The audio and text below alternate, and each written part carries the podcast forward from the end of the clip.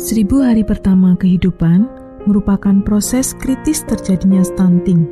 Terjadi disebabkan hilangnya asupan nutrisi pada seribu hari pertama anak. Hitungan seribu hari dimulai sejak janin sampai anak berusia 2 tahun. Ciri-ciri stunting pada anak 1. Anak berbadan pendek seusianya 2. Proporsi tubuh cenderung normal tetapi anak tampak lebih muda atau kecil untuk seusianya. 3. Berat badan rendah untuk anak seusianya. 4. Pertumbuhan tulang tertunda.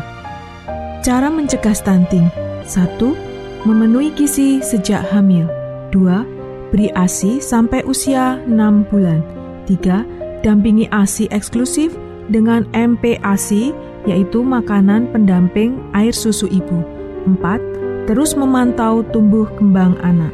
5. Selalu menjaga kebersihan lingkungan.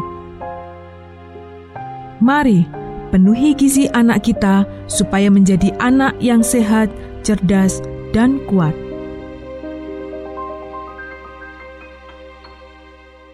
Iklan layanan masyarakat ini dipersembahkan oleh Kim Anyelir Kejuron, Kota Madiun.